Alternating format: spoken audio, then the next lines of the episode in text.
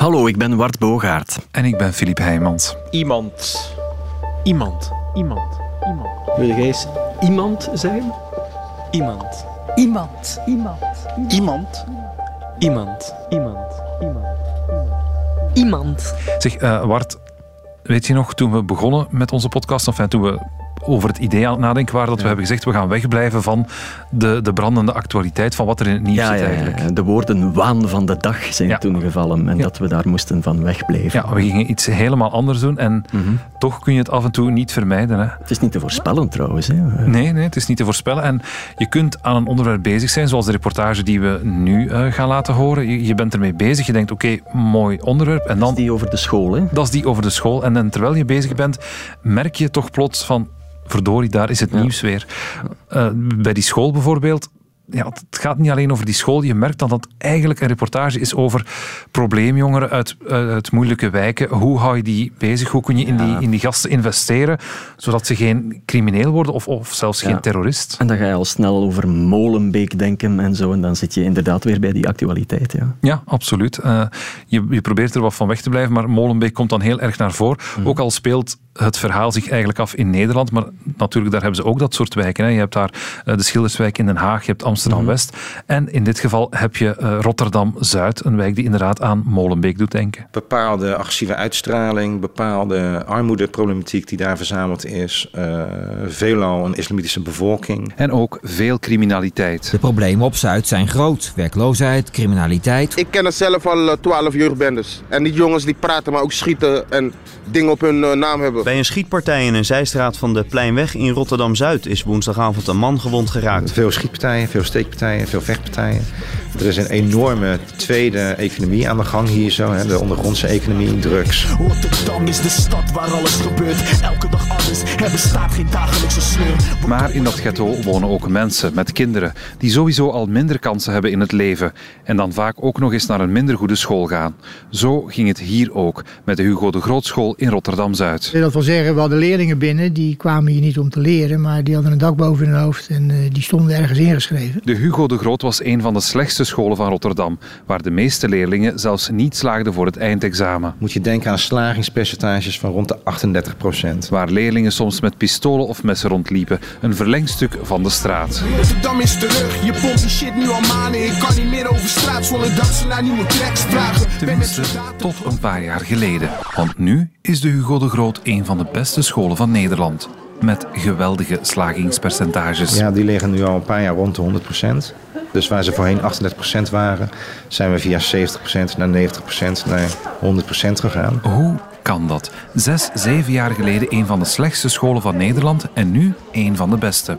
En dat in een van de grootste probleemwijken van het land.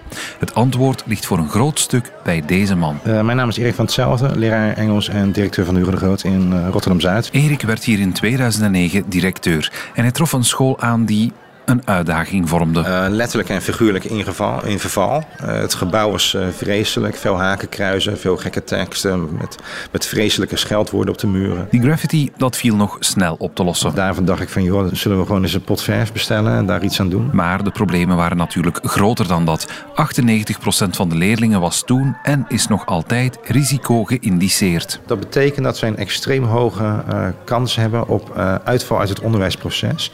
En daarmee natuurlijk uitval uit de samenleving.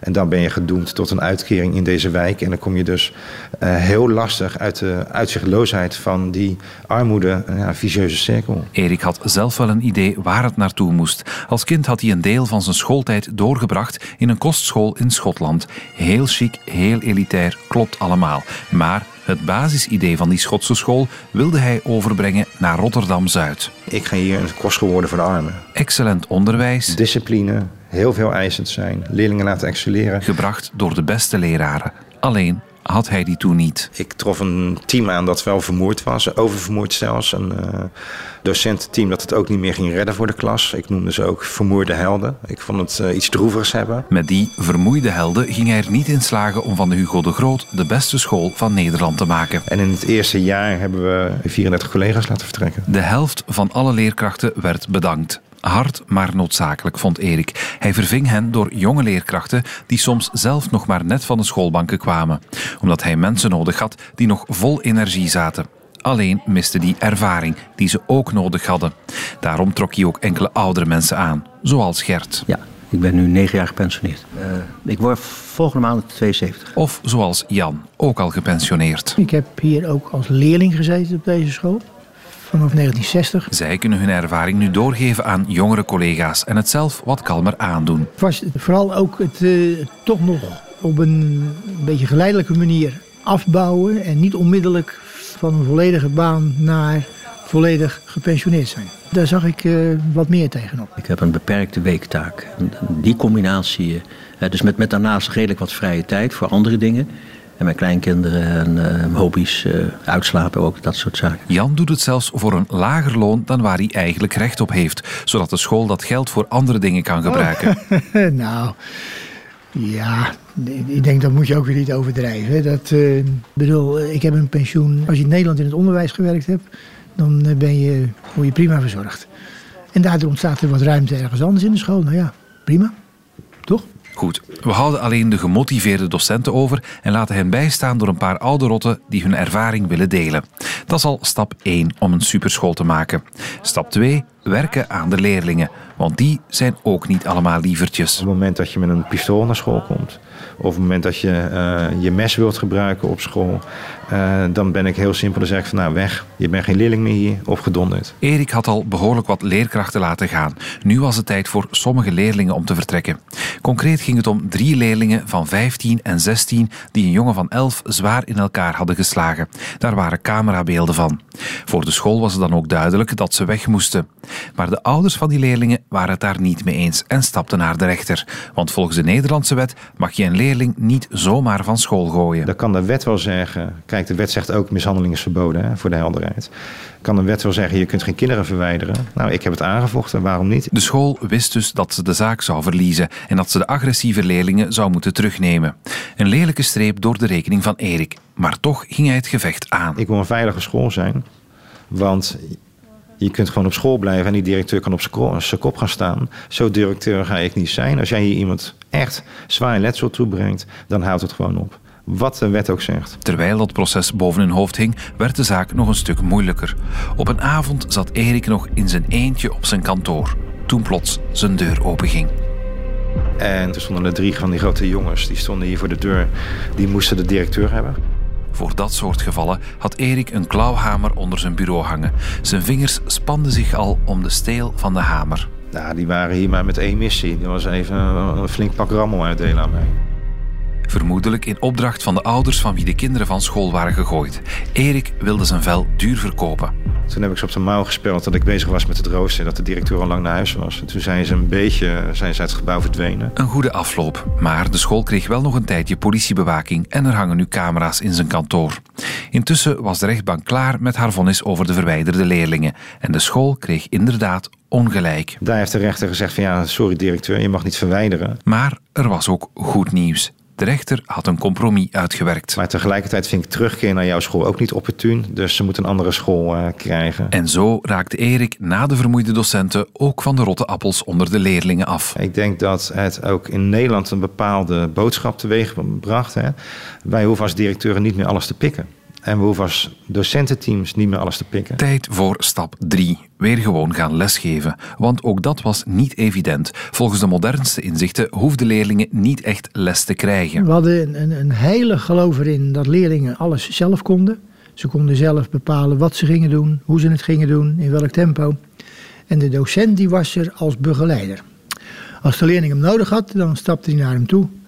En dan vroeg hij wat en dan docent stuurde een beetje bij. Hè. Dus een docent was geen docent meer, maar een coach. Eén probleem, dat werkte niet. Toch niet voor leerlingen die thuis al geen structuur hadden, die met een enorme taalachterstand zaten en die door hun ouders niet gestimuleerd werden om te studeren.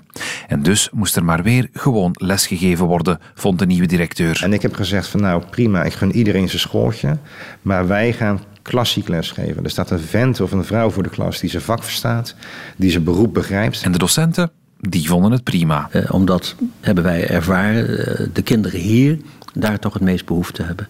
Structuur, helderheid, snelle beloning in cijfers, veel overhoringen, veel uitleg, veel extra uitleg. En niet al te veel ingewikkelde vrije dingen. Daarom is de Hugo de Grootschool nu een vrij klassieke school. Ik denk dat ik gewoon met het Neromi begin en dat we allemaal een zin voor onze rekening nemen. En dan komen we vanzelf al bij de zinnen waar uh, gaten in zitten. De leerkrachten zijn liefdevol, maar streng. Zoals deze Mark van Os, die vorig jaar nog verkozen werd tot docent van het jaar. En er wordt veel gevraagd van leerkrachten en van leerlingen. Sommige docenten geven extra bijlessen op zaterdag of s'avonds na school. Veel werk dus voor de leerlingen. Ik geloof dat zij echt 38 uur hebben. Extra uren Nederlands, extra uren Engels, extra uren rekenen. Nog allerlei buitenschoolse activiteiten. Dus uh, we vragen ook wel veel van ze. Maar het heeft wel resultaat. Waar voorheen de docenten geen les durfden te geven. Hè, dat lesvermijnende gedrag van joh, ik moet nog even iets aan een collega vragen. Of ik moet nog iets kopiëren. Of sorry, ik, ik heb de bel niet gehoord. Ik ben nog wat langer beneden blijven zitten. Dat lesvermijnende gedrag, dat verdween. En docenten werden weer baas voor de klas. En na een paar jaar werd dat ook voor de buitenwereld duidelijk. Plots stegen de leerlingenaantallen op de Hugo de Groot weer. Op zes jaar tijd verdubbelde het aantal scholieren van minder dan 300 naar meer dan 600. Ik vond het een hele leuke sfeer. Ik voelde me eigenlijk gelijk hier thuis toen ik weer op school was. En die leerlingen komen ook niet alleen meer omdat ze geen keuze meer hebben. Eén, omdat ik uh, veel uitdaging nodig had. Want op mijn basisschool had ik weinig uitdaging en dat heb ik echt wel nodig. En twee, omdat ik hoorde dat hier een uh, streng pestbeleid is. En ik werd vroeger best wel veel op gepest. En dat is ook een reden waarom ik naar deze school ben gegaan. Ook omdat het dichtbij was. En omdat gewoon, ik dacht dat ik hier wel een goed onderwijs zou kunnen krijgen. En omdat het ook gewoon leuk zou zijn. Goed werk wordt hier beloond. Niet alleen met punten, ook met cadeaus. Die één keer per jaar worden uitgedeeld aan wie zijn of haar best heeft gedaan. Ja, we hebben bijvoorbeeld boekenbonnen, we hebben bioscoopbonnen. Maar we hebben ook de Hugo-jas, we hebben ook de Hugo-pet. En twee jaar geleden was er een serieuze beloning bij. Twee jaar geleden heb ik twee kinderen een zeilreis geschonken van 8000 euro per ticket. Dus dat werd een kleine 16.000 euro uitgegeven. Een zeilreis rond Zuid-Amerika, via sponsoring weliswaar en met de bedoeling om er wat van te leren. Maar er kwam wel kritiek. Het gewone onderwijs moet geen wedstrijd worden. Dan worden ook leerlingen elkaars concurrenten. Opnieuw stond de school in het oog van een storm en opnieuw haalde ze haar slag thuis. De leerlingen mochten vertrekken. En die zijn zes weken gaan zeilen. Die zijn vanuit uh, Zuid-Zuid-Amerika zijn ze omhoog gekropen via de oceanen richting Amsterdam. En zo werd de Hugo de Grootschool dus een van de beste scholen van Nederland. Amper vijf jaar nadat ze een van de slechtste scholen was. Door extra inzet van directie, docenten, ander personeel en leerlingen. Maar het blijft wel een strijd en die moet elke dag opnieuw gevochten worden. Ik wil geen straat binnen, dus ik wil geen uh, gasten met capuchon op. Terwijl Erik me rondleidt in de school passeren we een jongen met een hoodie, zo'n trui met een kap. Hij trekt die kap van de jongen zijn hoofd. Omdat ik hem uh, met regelmaat al waarschuw daarvoor. Ik wil absoluut geen straat binnen hebben. Dat is echt verbuiten. Hier binnen zijn we gewoon netjes. Dus dan gaan we ook niet uh, allemaal met capuchons oplopen, et cetera. Onderweg blijft hij ook af en toe staan om een leeg drankkartonnetje of ander vuilnis op te rapen. Kleinigheden maar ze tellen wel. En af en toe zijn er nog eens zware crisissen. Op de dag dat ik er ben bijvoorbeeld moet ik Erik een uurtje missen door een onrustwekkend bericht dat rondgaat. Er wordt een, uh, een bloedbad afgekondigd. Gelukkig geen bloedbad, maar vals alarm. Maar dat was het niet, die ene keer in april 2012. Het begon op een maandagochtend. Wij staan natuurlijk altijd bij de deur s ochtends om te kijken hoe leerlingen binnenkomen. Morgen. En uh, toen zaten er twee dames te huilen bij de receptie. En toen bleek dat haar uh, dochter verdwenen was. De dochter was een leerlinge van Hugo de Groot, een Pools meisje van 14. Erik waarschuwde de politie, maar begon zelf ook een onderzoek. Via zijn netwerk van leerlingen kwam hij vrij snel achter de toedracht. Toen bleek dat ze met uh, een aantal Afghaanse jongens was meegegaan. Die gaven haar drank, zonder dat ze het wist. Uiteindelijk uh, hebben ze haar meegenomen naar een hotel. Is ze gedurende twee dagen is ze aangerand en verkracht. Bleek dat de jongens, noem ze maar loverboys, van plan waren om het meisje mee te nemen naar ons land om haar hier in de prostitutie te dwingen. Wij horen vrij vaak dat leerlingen verdwijnen in het Antwerpse Russische circuit. De loverboys waren oud-leerlingen van de school en daardoor kon Erik contact met hen maken. We hebben op een gegeven moment dat meisje teruggekregen door die Afghanen flink uh, zelf ook uh, te bedreigen en onder druk te zetten. Erik zette de ontvoerders onder druk en het meisje kwam terug naar huis. Weliswaar na gruwelijke aanrandingen en verkrachtingen. Maar dat ze nu terug was, volstond niet. Dus totale smeerlapperij. Ik vertel het nu vrij eenvoudig, maar ik heb dat kind voor mijn neus.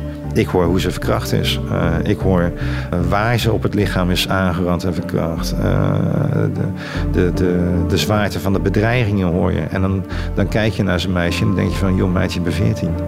Ja, en dan gaan bij mij alle registers open. Dan moet en zal ik die daders hebben. De politie werkte niet snel genoeg naar Eriks zin. En dus ging hij zelf met het meisje naar een dokter voor een sporenonderzoek op haar lichaam. Hij reed ook naar het hotel waar ze was vastgehouden en dwong de eigenaar om zijn camerabeelden af te geven. Uiteraard is dat mijn taak niet. Ik ben leraar Engels. Tegelijkertijd, ik heb gezegd van mijn kinderen blijf je af. En ik ga tot gaatje in ieder geval. En zo ga je van de situatie dat het niet je taak is... naar de situatie waarin als jij het niet doet, niemand het doet.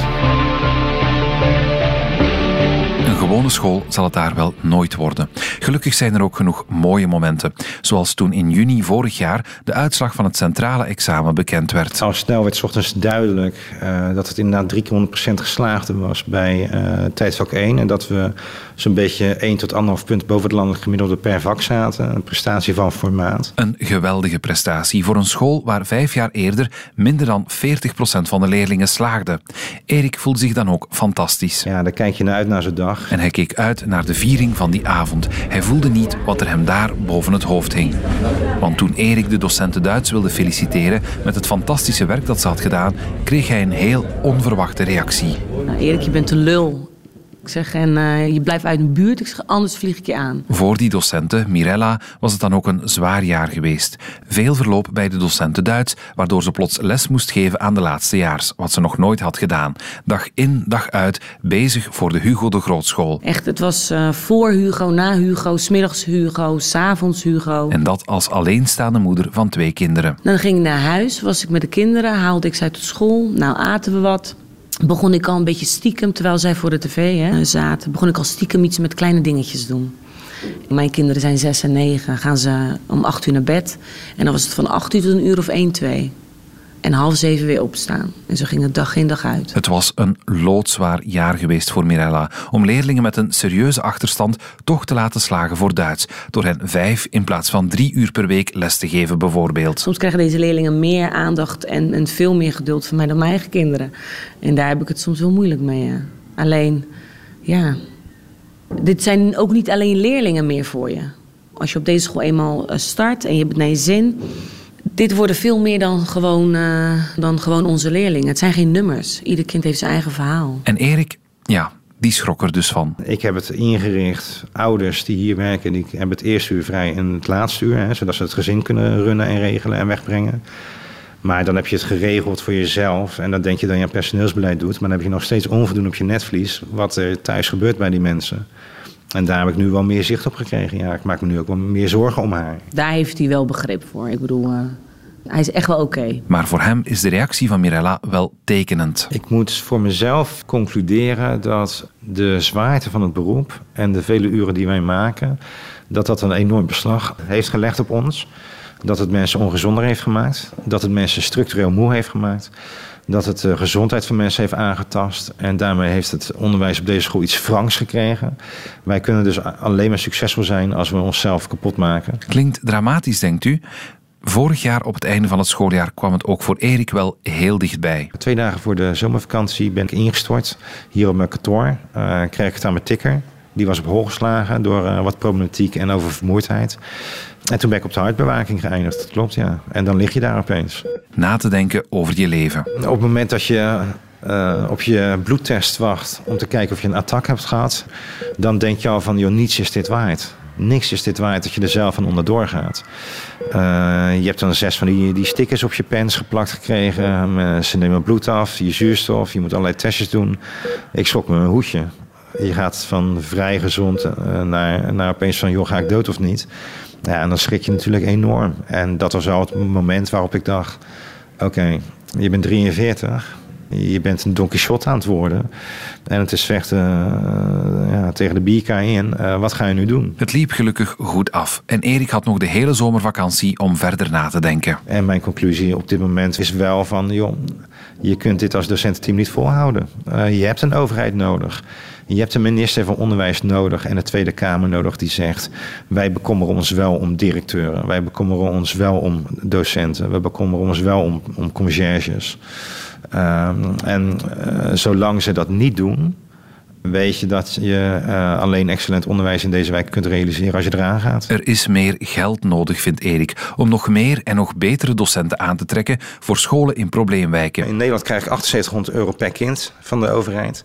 Als ze die oplussen naar 10.000, dan ben ik er echt per kind. 2200 euro extra per kind klinkt veel, maar eigenlijk is het dat niet, denkt Erik. De prijs van uh, het uitsluiten van deze leerlingen, de prijs van het uitsluiten van dit type kind, die ga je naderhand in veelvoud terugbetalen als je niet nu investeert. Want als je nu niet investeert in jongeren, dan worden ze criminelen. Of erger. Als je dan de goede scholen weghaalt, of als je ze alleen maar de slechte scholen in stand houdt met slechte docenten, dan kunnen die kinderen die kunnen geen rol krijgen in onze maatschappij. En dan vallen ze terug op het inrichtingsbesluit van de maatschappij van hun ouders, die op basis van een religieuze eenheid. En dan krijg je die parallele samenleving. En als je daar niks aan doet en je geeft jongeren geen ander houvast aan religie, dan, denkt Erik, dreigt het ergste. Als we nu verzaken met elkaar, en dat start bij het onderwijs, dan hebben we dadelijk Molenbeek met alle gevolgen van dien. Of Molenbeek nu op dit ogenblik zoveel erger is dan Rotterdam-Zuid, laten we even in het midden. Een feit is wel dat kinderen uit een probleemwijk die naar een goede school kunnen gaan, gewoon dezelfde toekomststromen blijken te hebben als hun leeftijdsgenootjes uit andere wijken. Ik heb er nog niet zo heel veel over nagedacht, maar het lijkt me wel leuk om iets in de economie te gaan doen, financieel adviseur of accountant of zo. Ik wil een hele lange tijd een arts worden. Uh, ook al doe ik gymnasium wil ik eigenlijk gewoon uh, gym, uh, dus LO, dus dat is met bewegen en zo, en wiskundedocent worden.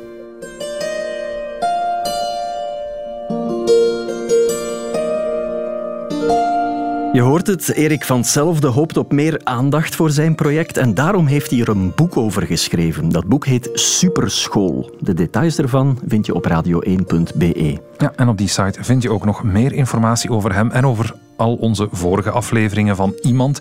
Dank trouwens ook aan eh, Erik van Hetzelfde en aan het personeel en de leerlingen van de Hugo de Grootschool in Rotterdam-West. En volgende week hebben we iemand anders. Ik kan dat niet inbeelden. Dat is, ik krijg nu af en toe nog nachtmerrie van. Hij was daar altijd heel vaag over. We voelden ook aan dat hij daar eigenlijk niet graag over praatte. De mensen gewoon pissen of overgeven, gewoon op je kop of op je deze iemand is gemaakt door ons tweeën, Wart Bogaert en Filip Heijmans. Met dank ook aan Ansatz der Machine voor hun muziek.